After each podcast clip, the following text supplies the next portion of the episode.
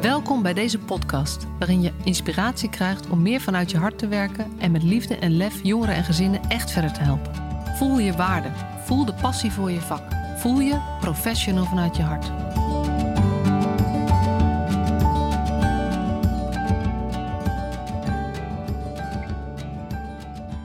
Welkom weer bij de Professional vanuit je hart podcast.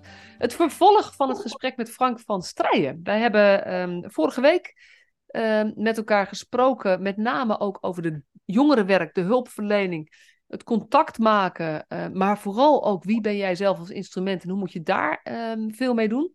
Frank heeft een, uh, ook een aantal boeken geschreven over het jongerenwerk.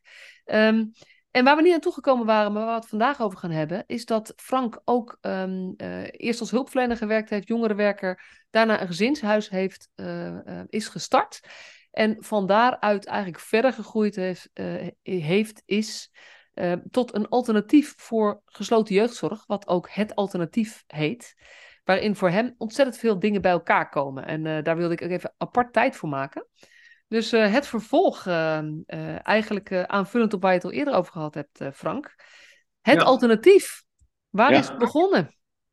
Begonnen is, is eigenlijk waar we het vorige week over hadden, hè? het jongerenwerk. Dus, dus actief zijn als professional in het domein van de jongeren zelf.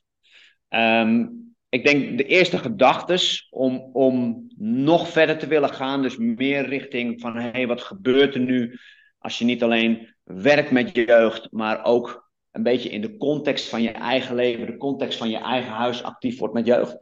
Um, ik denk dat dat begon toen ik voor het eerst jongeren bij mij thuis uitnodigde voor een puntje pizza.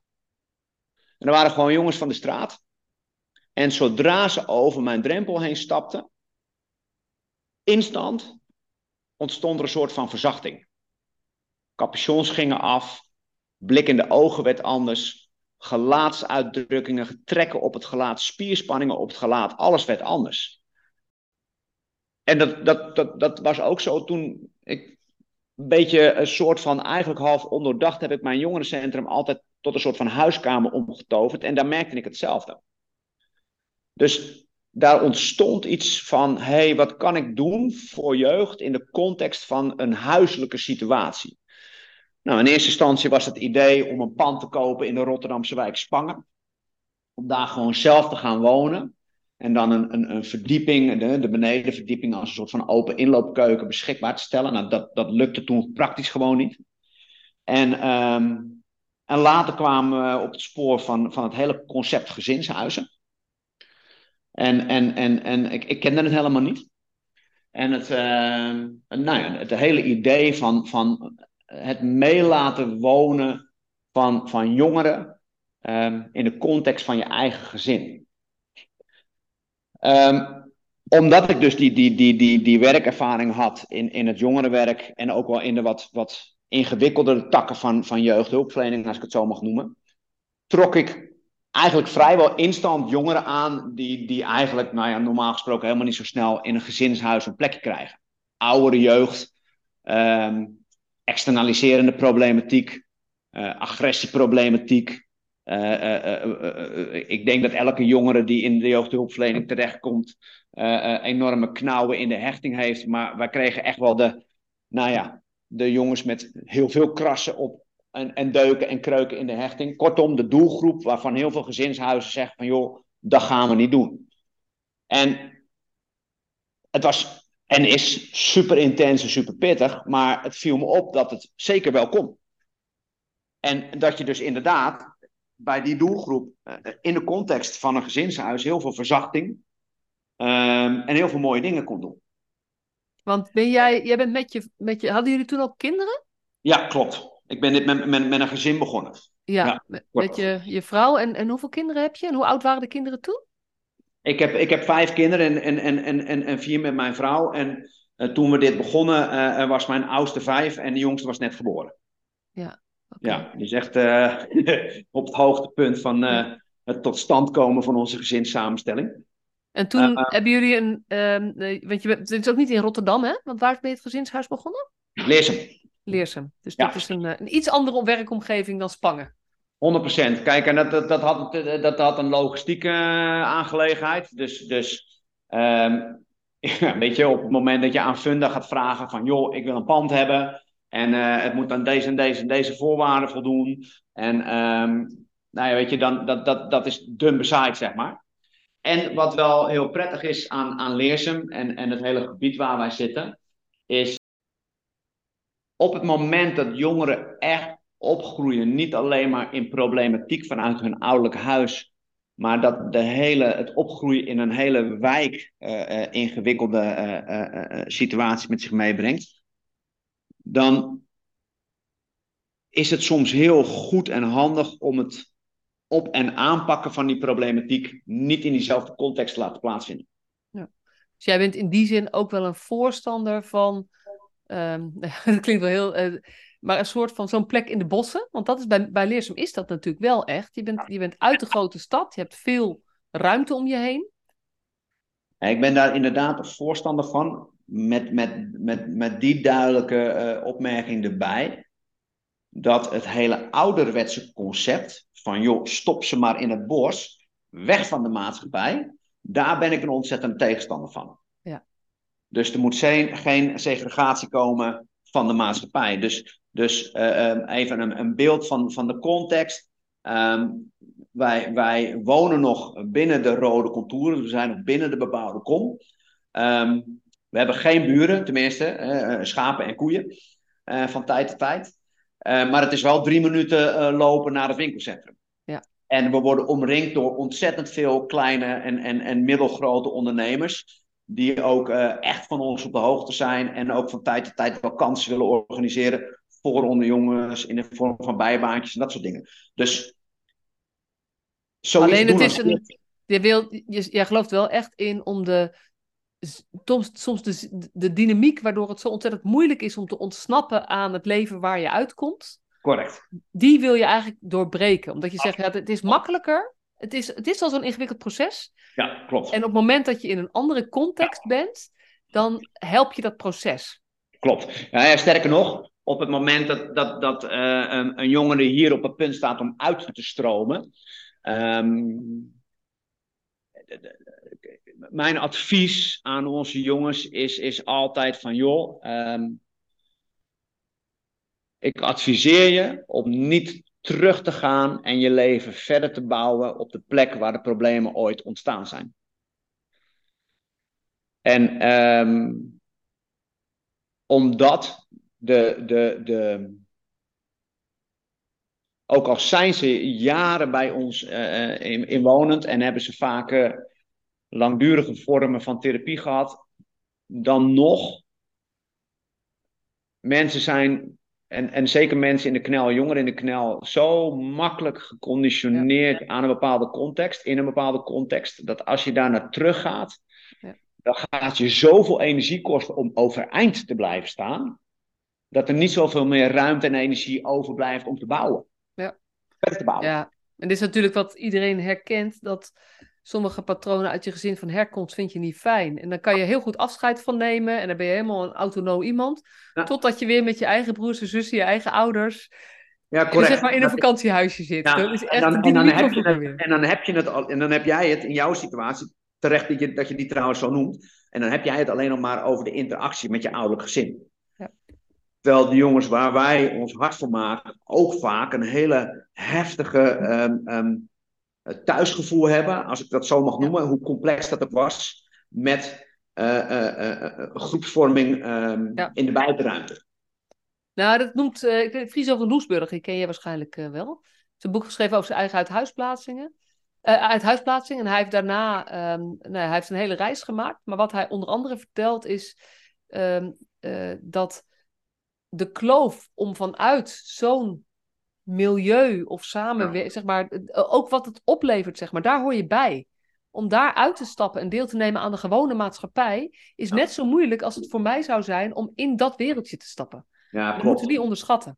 Nee, dat, dat is het zeker. En, en, en um, ik, ik heb ooit eens een keer, en dat was nog wel in de situatie van het jongerenwerk, maar er was op een gegeven moment een, een jongen bij mij in een groep.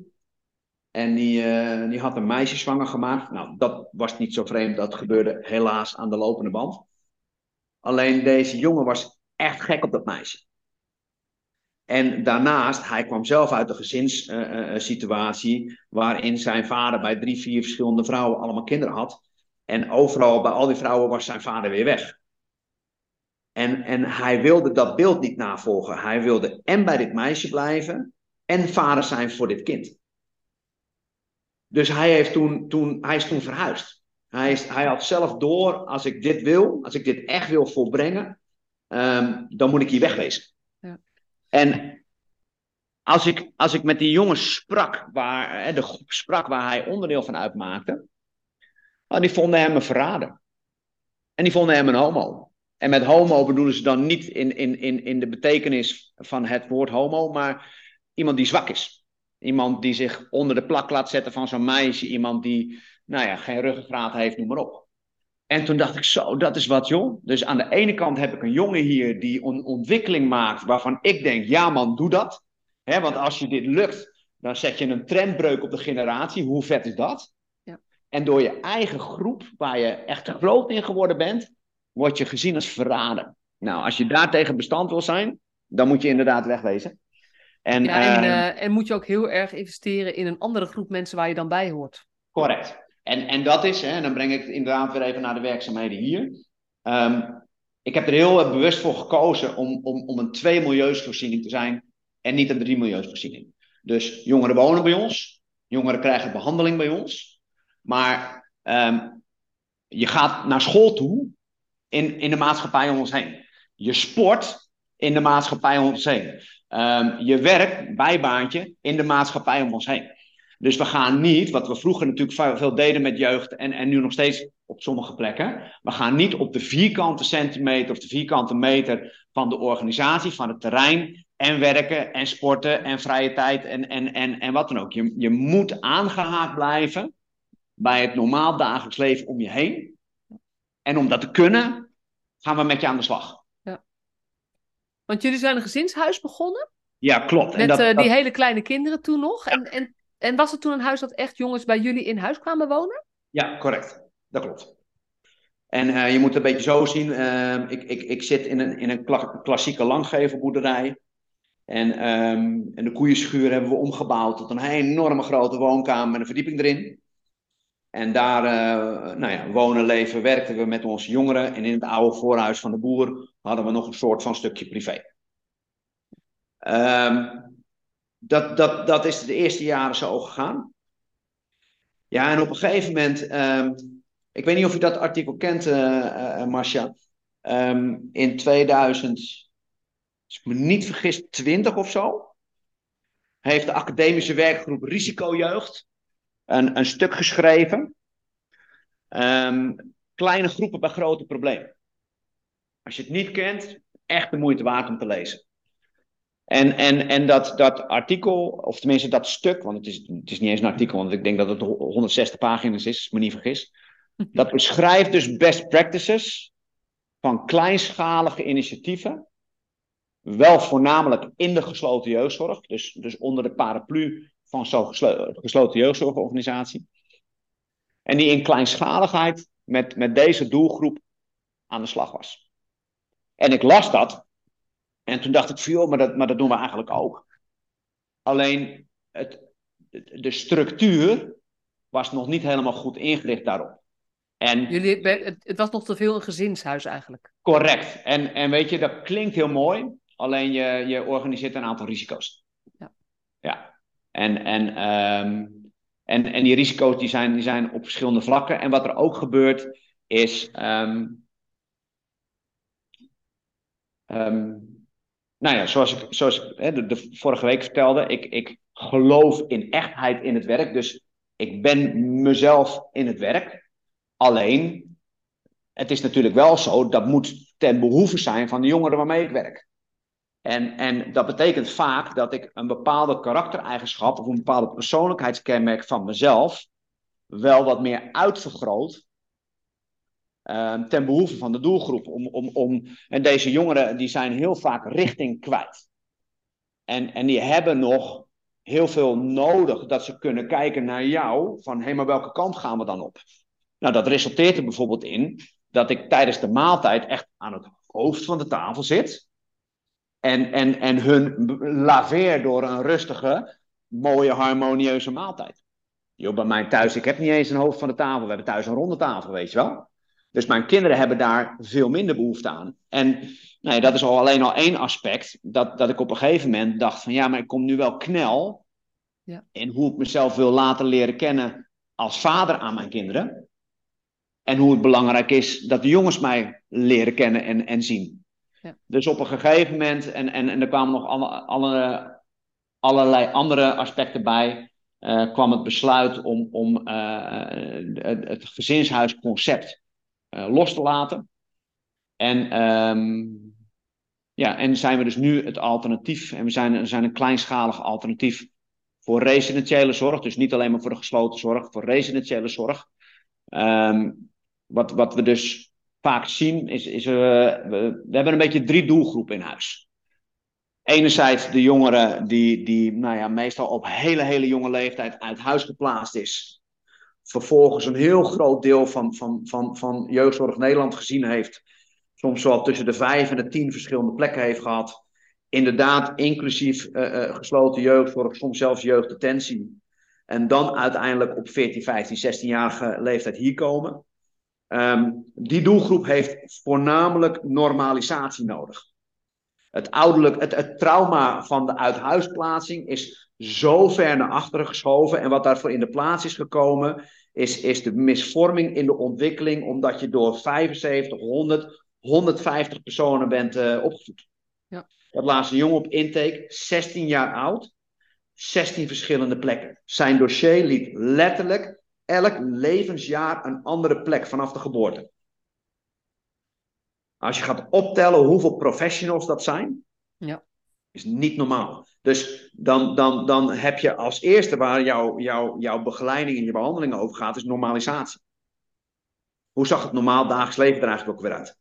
En normalisatie en um, uh, een, een, insteek, uh, dit, is waar, dit is jouw plek. Ja, klopt. En, en dat is het tweede wat we doen. Um, en dat is eigenlijk de grap is, dat is een beetje een soort van per ongeluk ontstaan, maar achteraf een, een, een, een hele fijne keuze geweest. Um, voor mij is dit hele gesprek trouwens op geen enkele manier bedoeld om kritisch te zijn naar de jeugdzorg. Want ik, ik hou daar niet van. Ik zie soms Facebookgroepen voorbij komen die jeugdzorg uh, afkraken alsof er een groot complot is. Ik wil op geen enkele wijze daar onderdeel van uitmaken. Wat ik wel zie, is een aantal ingewikkeldheden in het systeem. En een van die ingewikkeldheden is vaak dat als het goed met je gaat, dat je weg moet. Omdat de financiering gekoppeld aan een bepaalde locatie een, een bepaalde omvang heeft. En als het beter met je gaat, dan past dat niet meer. Dus dan gaat het goed met je en dan moet je weg. Dan moet je ontwortelen weer. Wat wij gedaan hebben, is, is we hebben onze zorg verdeeld in twee fases. Uh, de eerste fase, in, in die woonboerderij. Waar, waar uh, uh, nou ja, wat ik zei, hè, normalisatie plaats kan vinden um, een, een, een, perspectief kan ontstaan van hé, hey, ik hoef niet meer weg, ik ben niet meer op doorreis. Um, en we hebben een aantal zelfstandige woningen gewoon op het terrein. Ik denk, nou, hemelsbreed, 30, 40 meter bij die hoofdwoning vandaan. Waar jongeren hun eigen studiootje hebben. Slaap, slaap leefgelegenheid, kookgelegenheid, eigen douche, eigen toiletje. En ze dus een soort van op kamers kunnen, onder de rook van waar ze gestart zijn. En um, dus wij, we, we, hebben het zo kunnen inrichten dat, dat we de zorg kunnen afschalen. Terwijl jongens niet weg hoeven. Ja. En je zei, we hebben een beetje drie doelgroepen. Ja, dus, dus de eerste doelgroep is, nou, zoals ik hem net beschreef. De tweede doelgroep zijn um, jongeren die, die één of meerdere uh, gezinshuisplaatsingen of pleeggezinplaatsingen achter de rug hebben. Dus dat zijn vaak jongens die op hele, hele jonge leeftijd, babytje, 1, 2, 3 jaar oud, max, um, uit huis zijn gegaan en dan in een pleeggezin terecht zijn gekomen. Of in een gezinshuis zijn terechtgekomen. En die dan uiteindelijk in problematiek te heftig zijn om in die context te kunnen blijven.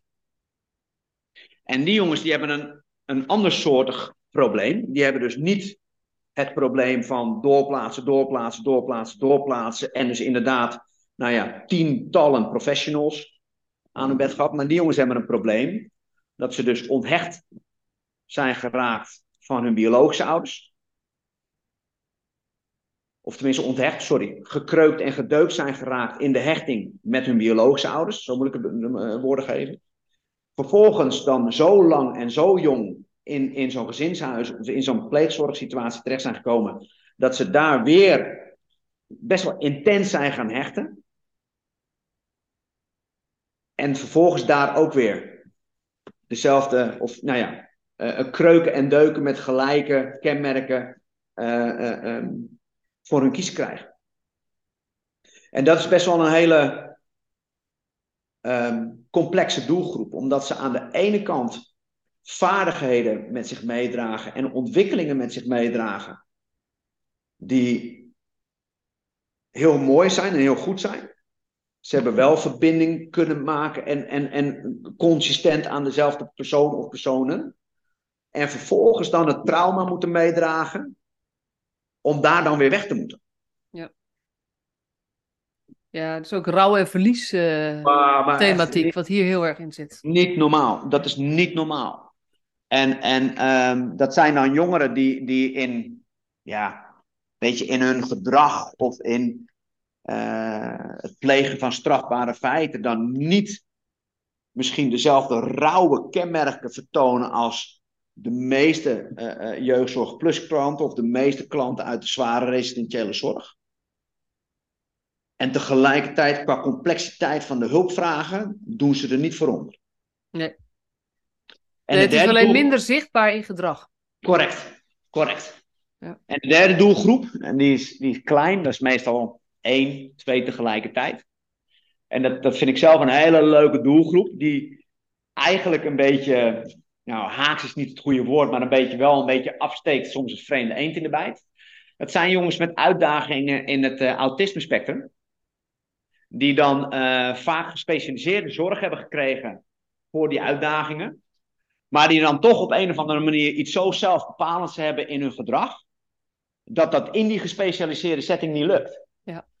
Dus dan wordt de zelfbepaling als overleefstrategie voorliggend. Ja. Ja, en dat is, dat is wel een beetje ons, uh, ons dingetje, als ik dat zo mag uitdrukken. En die komen ja, dan... Iets van zelfbepaling herken je natuurlijk wel, dus dat is ook het mooie. Wat ik, wat ik leuk vind is. is um, mensen schrikken. Mensen schrikken van zelfbepaling. En, en ik snap wel dat je die opmerking naar mijn kant zet. En, en, en het grappige is dat ik eigenlijk niet per se zo'n enorm zelfbepalende overleefstrategie van mezelf heb. Maar wat ik wel heel erg heb meegekregen, in, in mijn laatste boek over ADHD is natuurlijk hartstikke autobiografisch. Um, en wat ADHD uh, eh, soms heel erg met je kan doen, is dat het beeld wat mensen hebben van jouw buitenkant en je eigen interne beleving van jouw binnenkant, dat daar een wereld van verschil tussen zit. En ik heb dus heel erg vroeger, ik ben heel erg opgegroeid met de vraag van, joh, maar waarom kijken mensen eigenlijk helemaal niet door me heen?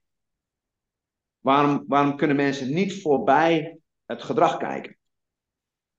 En wat mij dus heel makkelijk lukt, klaarblijkelijk. En, en, en dat vind ik een hele prettige vaardigheid, waar ik niet zo heel hard mijn best voor heb hoeven te doen. Die komt me gewoon aanwaaien. Um, als ik een jongere tegenover me heb, die waanzinnig externaliserend is, of agressief is, of whatever is, heel dominant in zijn voorkomen. Ik neem dat wel super serieus, in de zin van als hulpvraag. Maar het, het, het lukt mij vrij eenvoudig om daar doorheen te kijken en het kwetsbare kind daarachter te zien. Ja. En op een of andere vrij intuïtief niveau hebben jongeren door dat dat je lukt. Ja. Waardoor ze een gezien gevoel krijgen, zonder dat je hardhandig hun muurtjes aan het afbreken bent. Ja. En dat levert een dynamiek op, waardoor soms, eigenlijk vrij vaak zonder woorden, er een klein een, een, een begin wordt gemaakt aan een proces van kennen en gekend worden. Wat, nou ja, ja een, een mooi vertrekpunt is voor, voor het verdere verloop. Ja, wat voor een deel van deze jongeren, want, want je, je legt het wat meer uit bij die, die derde doelgroep, hè? Terwijl ik denk, dezelfde dynamiek is eigenlijk bij die andere, zeker die eerste doelgroep, ook aan de hand, zeg maar. Klopt. Dat het, dat het ehm, er staat zo vaak, we kijken achter het gedrag. Maar eigenlijk, als je kijkt, gebeurt dat heel erg weinig. Dus het, het, gaat, het gaat echt over de diepere laag van Maar wil, wil, wil ik jou echt kennen? Ben je echt oprecht benieuwd wie is die persoon die achter dat soms ingewikkelde buitenkantje zit? Ja. En wat ik, wat ik heel mooi vind, is ehm, van jongs, of van, sorry, van oudsher zijn we heel erg gewend geraakt om jongeren met externaliserend gedrag, vooral als dat resulteert in agressie op mensen, maar ook op spullen, om die te voorzien van een omgeving die daarop ingericht was. Ja. Dus uh, meubels die hufteproof zijn, ja. uh, stoelen die aan de grond vastgezet zijn, want dan kan er niet mee gegooid worden. Ja. Dus je krijgt op een gegeven moment een heel ingewikkelde dynamiek van gedrag. En een omgeving die uitstraalt dat we dat gedrag ook verwachten. Ja. Wel joh, ik, ik, ik heb. Uh, de woonomgeving van onze jongens is, is extreem kwetsbaar ingericht. Ja. Als je het kapot maakt, dan is het ook echt kapot. Ja. We hebben het extreem huiselijk ingericht. Um, een, een, een, een, een, een omgeving die dus eigenlijk uitstraalt van joh, we verwachten eigenlijk dat je hier gewoon goed mee omgaat. En als het je niet lukt, dan gaan we je helpen. Ja, maar er zit ook iets, een, een parallel in met. Um, zeg maar, überhaupt geloof ik heel erg wat, wij, wat, wat jij verwacht van de ander. Heeft ontzettend veel effect wat uiteindelijk gebeurt. Dus, het is, het is, dus, dus als je zelf een negatieve verwachting hebt, heb je veel meer kans dat het inderdaad ook mis gaat lopen. Wat het ook is, zeg maar. Maar er zit, en er zit ook iets in, um, uh, want dat heb ik van heel veel jongeren ook teruggehoord. Op het moment dat er alleen maar hufteproef spullen neergezet worden, wat ben ik dan nog waard? Klopt. Wat mag ik nog kosten, zit erin. Wat, zeg maar, um, blijkbaar um, gaat het erom dat ik niks kapot maak. In plaats van dat ik me hier thuis mag voelen. Wat al een, een heel groot woord is. Ja. En ik denk dat uh, we hadden natuurlijk net even over die zelfdeterminatietheorie, waar, waar, waar ook even mijn podcast laatst over gegaan is. Dat gaat over dat, dat um, uh, ieder mens zichzelf gaat ontwikkelen als de drie basisbehoeften uh, da daaraan voldaan is. Ja, dat, dat gaat ook daarover. Dat als je het gevoel hebt van ja, jij wordt gewoon niet serieus genomen op wat je aan, aan, aan mogelijkheden hebt, ja, dan ga je ook rare dingen doen. Klopt. Want het is ook, uh, het is, zeg maar, je kan zeggen het is hufteproof, maar je kan ook zeggen het is ook gewoon infantiliserend. En ja. dan ga je dus jongeren heel erg ondervragen. Ja. ja, ondervragen levert ook probleemgedrag op. Klopt. Weet je, ik, ik, kijk, we zijn hier niet om jongens op hun tenen te laten lopen. Da daar gaat het mij niet om. Er is, er is een, een, een breekbare balans tussen ondervragen en, en een jongere meteen vanaf dag één overvragen. Waar de opmerking, je moet maar normaal doen, snel op de loer ligt. En daar, moet, je, daar moet je mee oppassen. Ja, nou, ja en je moet maar normaal doen en daarna gaan we wel eens naar je luisteren. Dat is ook een beetje de verkeerde Klopt. volgorde. Klopt. Dus ik merk gewoon dat. Um, wat ik zo, zo typerend vind, hè, uh, Marcia, wij kennen elkaar natuurlijk van Timon. En in die tijd vond ik Timon een hele fijne werkplek. Ja. En ik, ik vond echt dat we mooie dingen deden. En, en, en ik geloof nog steeds, uh, uh, ik kom Timon nog met een bepaalde regelmaat tegen in het werk. En weet je, de intentie van die organisatie en, en, en het werk wat ze doen is super. Maar ik kijk soms ook wel eens terug. En dan heb ik het alleen maar bijvoorbeeld over een rooster. Weet je, in die tijd, ik weet niet hoe ze het nu doen, vonden we het volkomen normaal dat we vijf, zes dagen achter elkaar ingeroosterd waren. En daarna drie, vier, vijf dagen roostervrij waren. Terwijl als ik daarover nadenk, weet je wel, dat je als jongere dus vijf, zes dagen met iemand optrekt. En, je bent, en, en, en, en vervolgens ben je die persoon gewoon drie, vier dagen kwijt. Ja. En, en hoe apart het is dat als we dat beeld creëren voor jongeren die gewoon in een normale opvoedsituatie zitten, die, die, die een, een, mooie basis hebben in het leven, die tegen een stootje kunnen misschien. Dat we zeggen van nou, weet je, jouw leven ziet zo uit dat je dat je, dat je, je oude zes dagen achter elkaar hebt. En daarna drie, vier, vijf dagen niet meer. Dan is dat een hele aparte. Ja. Terwijl in, in, in, in, in, in de residentiële zorg vinden we, dat, dus, vinden we het eigenlijk volkomen normaal. Ja. En hoe, want, want weet je, je, je bent dus. Um, jouw gezinshuis is doorgegroeid naar het alternatief. Correct. En dat is een klein, kleinschalige voorziening. Hoeveel jongeren hebben we het dan over? In, in de eerste fase waar ik het net over had, heb ik plek voor zes, max zeven jongeren. Ja, en dan heb je nog een aantal van die plekken op het, op het erf. In de tweede fase, om het dan maar even een naampje te geven, hebben we wederom zes, zes plekjes. Ja, ja. Zes en zes. En, en kleinschalig is dan vooral dat je het, zeg maar, in vergelijking met de echte residentiële plekken waar dit soort gasten vaak opgevangen worden, waar echt een aantal groepen bij elkaar zitten op een. Uh... Ja, dat, dat is één. En het, en het andere is de omvang van het team. Dus, dus daar, uh, en dan richt ik me met name even op de eerste fase. Hè? Daar waar, waar uh, residentiële zorg vaak wordt vormgegeven door teams met een omvang van, nou wat zullen we zeggen, joh, 10, 12 man, inclusief nog wat, wat invallers, ZZP'ers, noem maar op. Um, op de werkvloer van de eerste fase zijn wij met z'n zessen. Ja. En dat, Je werkt zelf ook mee? Zeker, 110% Ja, ja, ja, absoluut. Veel ook. Ja. ja.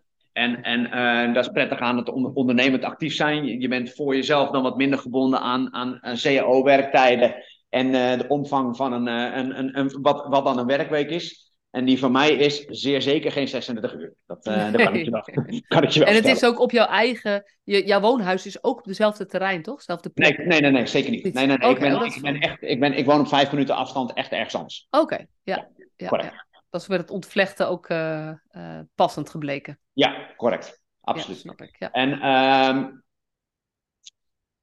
Even denken hoor. Wat, team van zes mensen. Ja, klopt. En, en wat, wat er lukt met dat team van zes mensen, is dat wij een, een, een op de dag rooster hebben. Dus ben ik er vandaag niet, ben ik er morgen wel. Ja. En dat lukt vrij goed om daar consistent in te zijn.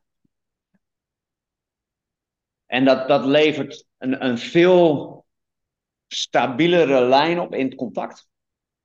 In, in verwachtingsmanagement. Van hé hey joh, maar, maar wanneer dan? Weet je wel, wanneer is, is Frank er weer? Of wanneer is die en die er weer? Um, dan op het moment dat je met een, met een, een bulk aan dagen werkt en dan weer een bulk aan vrije dagen werkt. Ja. ja. Dat vraagt natuurlijk ook wel iets van de medewerkers. Weet je, het is jouw persoonlijke keuze, maar dit, is, dit, is, dit vraagt veel van, van de. Ja, en dat, echt en, geloven. Ja, dat is, en dat is wel leuk. Het, het, het heeft me veel tijd gekost. Echt serieus veel tijd gekost. Om dit team te formeren. En er zijn trouwens, uh, we hebben op dit moment een openstaande vacature. Dus mocht er iemand zijn uh, die denkt van, joh, ik vind het super interessant, laat hem zich alsjeblieft melden.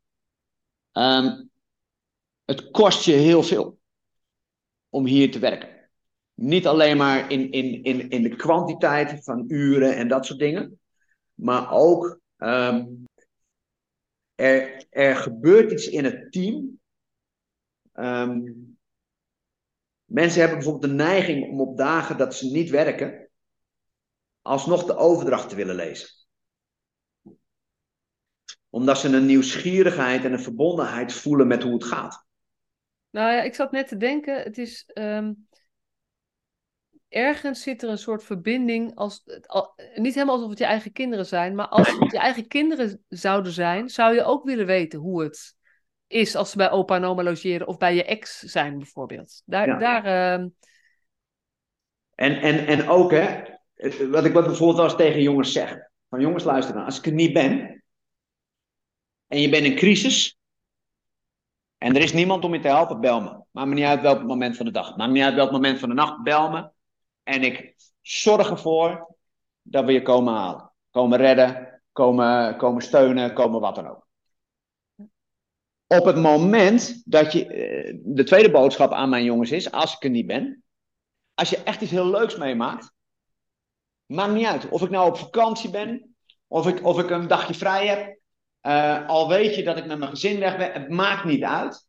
Als, ik iets, als je iets leuks meemaakt. Fotografeer het. En app me. Want jouw plezier, jouw leuke moment, dat, dat, daar, moet, daar moet ik alleen maar om glimlachen. Dus dat stoort op geen enkele manier in mijn leven. Maar mijn jongens weten ook dat als zij een regelvraag hebben, die echt wel een dagje kan wachten, dan is ook het verzoek, wacht dan ook een dagje. Ja. Weet je? En, um, maar die, die lijn, die is er gewoon. En, en, en ook, dat zie ik ook bij het team, nou, als je het hebt over professional uit je hart. Ik, ben, ik, ik merk dat ik soms gewoon een soort van ontroerd kan raken. Hoe, um, hoe dit team dat doet. En, en, en niet om onszelf uh, arrogant te profileren of dat we het zoveel beter doen als de rest van de wereld. Want laat me, laat me er heel helder over zijn. We zijn een beetje aan het pionieren. We zijn zeker niet de enige, maar wel een kleine groep. En ik ga niet beweren dat we het allemaal al uitgevonden hebben of dat het ook allemaal lukt. Ook wij raken jongens kwijt of hebben soms ontevreden jongens. En ook ons werk bestaat uit heel veel dagelijks leven dingetjes. Maar toch ik, ik zie een betrokkenheid bij de mensen die hier actief zijn. Ja, dat is wel heel bijzonder. En, en ook, de mensen geven ook terug, want de meesten komen uit, uit nou ja, de klassieke residentiële setting, de gesloten jeugdzorgsetting, noem maar op. Um, aan de ene kant wordt er veel intenser en met meer uren gewerkt dan wat ze gewend zijn. En toch Ehm, maar misschien komt het omdat ze het gevoel hebben dat het resultaat um, groter of duurzamer is. Dat de mensen die dit echt willen, die floreren ook echt. Ja. ja. Maar ik geloof dat ook heel erg, want als je kunt werken op een manier die, die beter aansluit bij hoe je, waar je zelf in gelooft, zo simpel is het ergens ook ik denk dat heel veel mensen, ik spreek ook ontzettend veel professionals die binnen residentie, binnen geslotenheid werken, soms als jeugdbeschermer werken. En die, zeg maar, als je, als je verder praat, dat ze zeggen, ja, weet je, ik doe heel veel dingen waar ik eigenlijk zelf niet meer achter sta. En daar is, dat is volgens mij een beetje het begin. Dus als het, als het lukt om een werksetting zo te creëren, dat je weer kunt werken op een manier waar je zelf achter kan staan, waar je zelf in gelooft, dan kost het je minder energie, ook al moet je harder werken. Nee, ik had laatst een van mijn medewerkers, dat was laatst, gisteren, dat was wel grappig, een gesprek met haar. En, en ik vond, ze, ze zei iets en dat vond ik heel mooi. Ze zegt van, joh, ik, ik ben door de jaren heen dat ik hier nu actief ben. Zij werkt, volgende maand werkt ze al vijf jaar bij ons. Ze zegt, ik ben me zoveel minder gaan irriteren aan jongeren. Mooi. En dat klinkt misschien heel logisch voor sommige mensen. Hè, maar je kunt je voorstellen dat op het moment dat je actief bent met jongeren die het leven zijn gaan overleven, met hele bijtende overleefstructuren, hele uh, uh, uh, misleidende, de ander maar door en door en door prikkende. Niet omdat het slechte jongeren zijn, maar dat is hun manier geworden om controle over angst uit te oefenen. Weet je, dat doet wat met je. je, je weet je, dat op het moment dat je dingen weer niet onder controle hebt of wat dan ook, mensen raken zo makkelijk geïrriteerd in het werk. En zij zei gisteren tegen me van, joh, ik, ik merk steeds meer dat ik dat los kan laten in deze setting. En, en dat irritatie zoveel meer op de achtergrond aan het verdwijnen is. En, en dat het eigenlijk zoveel lucht en zoveel ruimte geeft uh, in wat we aan het doen zijn. Ja. Dat vond ik zo mooi om te horen. Ja, en ik, ik vind het heel mooi om te horen en ik vind het heel herkenbaar. En het, laat ook zien dat dit dus niet, um, dit is een proces. Het is niet zo als je in een andere omstandigheid komt, dat je per direct dit zult ervaren. Dit is iets wat, waar je ook, het gaat over een, een soort van ja, transitie of transformatie bij jezelf weer. Absoluut. Um, uh, die dus tijd vraagt. Dus er, wat, is, is geen quick fix. Klopt. Wat, wat, waar, we, waar we in, het wereld, in de wereld van werken met jeugd, wat nou jeugdzorg, jeugdhulpverlening, jongerenwerk, noem maar op. Onderwijs, maakt niet uit. Elke keer weer opnieuw zijn er partijen die gaan sleutelen aan de structuur van het werk. Dan wordt het weer groter, dan wordt het weer kleiner, dan wordt het weer centraal, dan wordt het weer decentraal en dikke, dikke, dikke, dikke, dikke. Terwijl de problematiek waar we al jaren tegenaan lopen, is geen structuurprobleem. Het is een cultuurprobleem. En op het moment dat je een cultuuromslag wil maken, moet er dus een transformatie komen. Dat betekent dat iedereen individueel en als collectief door een proces heen moet waarin wij veranderen. En op het moment dat dat heeft plaatsgevonden, of parallel daaraan, kun je echt wel nadenken: oké, oké, en welke structuur is nu de beste? En ik denk niet dat dat er één is, waarin die cultuuromslag ingebed kan worden. Maar er valt geen cultuur te veranderen door een structuur te veranderen. Je kunt jarenlang doorgaan, onderwijsvernieuwingen, de jeugdzorg decentraliseren. Laatst weer een artikel dat toch weer misschien de aansturing van de jeugdzorg voor de complexere doelgroepen naar de provincie toe moet. Allemaal hartstikke goed en aardig, maar het maakt niet uit als er geen cultuuromslag komt. En ook kleinschaligheid. Het is een voertuig. Het is een mogelijkheid. Maar als je die mogelijkheid niet benut, als je die mogelijkheid niet uh, uh, gebruikt uh, doordat je zelf veranderd bent, ja. weet je, dan, dan, dan als dit het nieuwe foefje wordt, weet je wel, kleinschaligheid, en dan de minister zegt voor 2030 moet heel Jeugdzorg Plus afgebouwd, afgebouwd zijn naar nul. Um, nou ja, als dit dan het nieuwe foefje wordt, gaat gewoon mislukken. Dan zijn we over tien jaar, of misschien wel weer eerder, zitten we gewoon weer in, in, in de grote residentiële. Want dan blijven we gewoon maar meebewegen met de pendule die van extreem rechts naar extreem links gaat en weer terug. Ja, en, En, en, als er niet iets aan de cultuur verandert, is dat eeuwigduur. Nou ja, en dat is, dat, waar, dat, daar geloof ik heel erg in. En cultuurverandering, wat je kunt bijdragen, begint altijd bij jezelf. Bij jezelf, met de mensen om je heen, met je, met, met, met, uh, ja, dan hangt het een beetje van af, weet je. Als jij werker bent binnen een team, dan is je spam of control misschien wat kleiner. Als je gedragswetenschapper bent, heb je misschien wat, wat meer invloed. Maar het begint altijd bij jou. En dat jij gaat kijken, hey, ik, ik vind dit belangrijk. En precies wat jij zegt, uh, ik, ik ben ook... Weet je, eerst waren de gezinshuizen was het antwoord op heel veel van dit soort problemen. Uh, en nu, gaat het, nu heet het dan kleinschalige woonvorming. Dat is dan, dan, maar als we kleinschalig hetzelfde blijven doen wat we nu grootschalig doen, dan, dan maakt het helemaal niks uit. En uh, nou ja, goed, zo zijn er meer van die uh, dingen. hey, um, we zijn een beetje aan het eind gekomen van, uh, van ook deze, dit gesprek. Heb jij de kern van wat jij het belangrijkste vindt van het alternatief, heb je dat kunnen vertellen? Um, als, ik, als, ik, als ik nog iets eraan zou mogen toevoegen, of misschien is het meer een, een, een, een samenvatting. Um, als op een gegeven moment jeugd, jongeren, zo in de knel zijn gekomen dat zorg specialistisch moet worden, intensief, dan geloof ik er nog steeds in dat die hele bijzondere zorg moet plaatsvinden vanuit een zo normaal mogelijke context. Jongeren hebben per definitie behoefte aan huiselijkheid aan een, aan een, aan een gevoel van mogen thuiskomen. Aan, aan een omgeving die, die een, een, een verwachting uitstraalt van: hé hey joh, we moeten misschien nog een heel eind, maar het komt een keer goed. Ja. Um, jongeren moeten beschermd worden in hoe overleefstructuren van elkaar elkaar onderling bijten.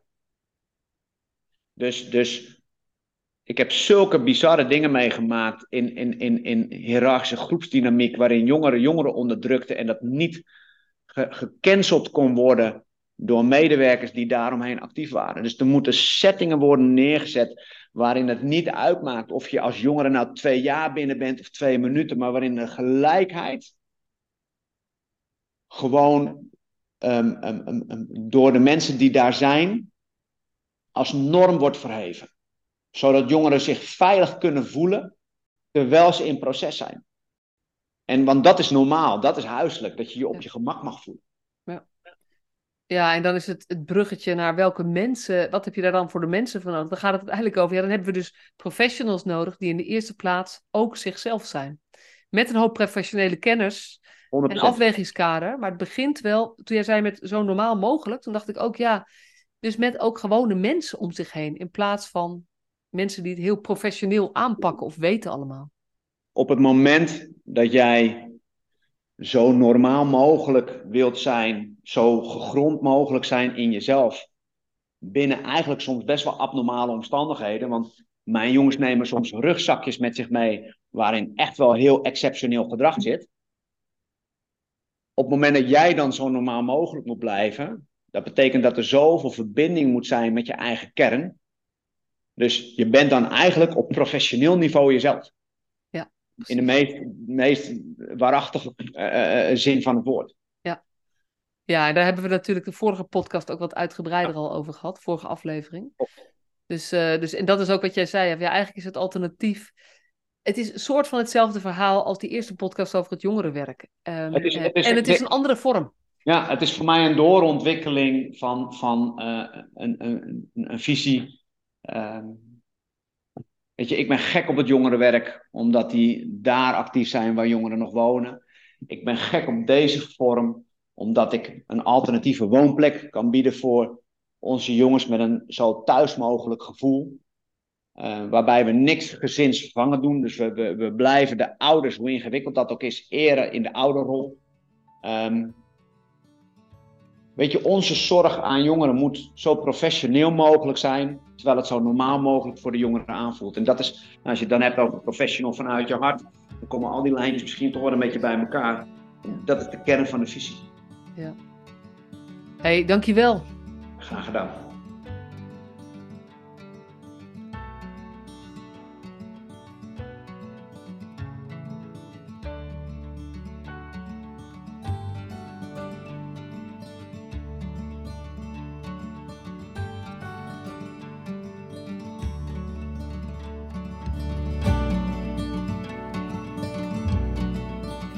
Superleuk dat je weer luisterde naar deze podcast. Dankjewel.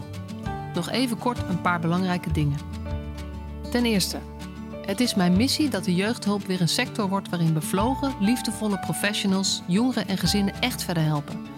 Daarom maak ik deze podcast voor jou. Wil jij deel uitmaken van deze beweging van Professional vanuit je hart, waarin professionals elkaar steeds opnieuw inspireren? Begin dan met het lezen van mijn boek. Je kunt de eerste hoofdstukken helemaal gratis lezen. Ga naar professionalvanuitjehart.nl/slash boek. Ten tweede, wil je alle podcastafleveringen overzichtelijk onder elkaar? Abonneer je dan op deze podcast.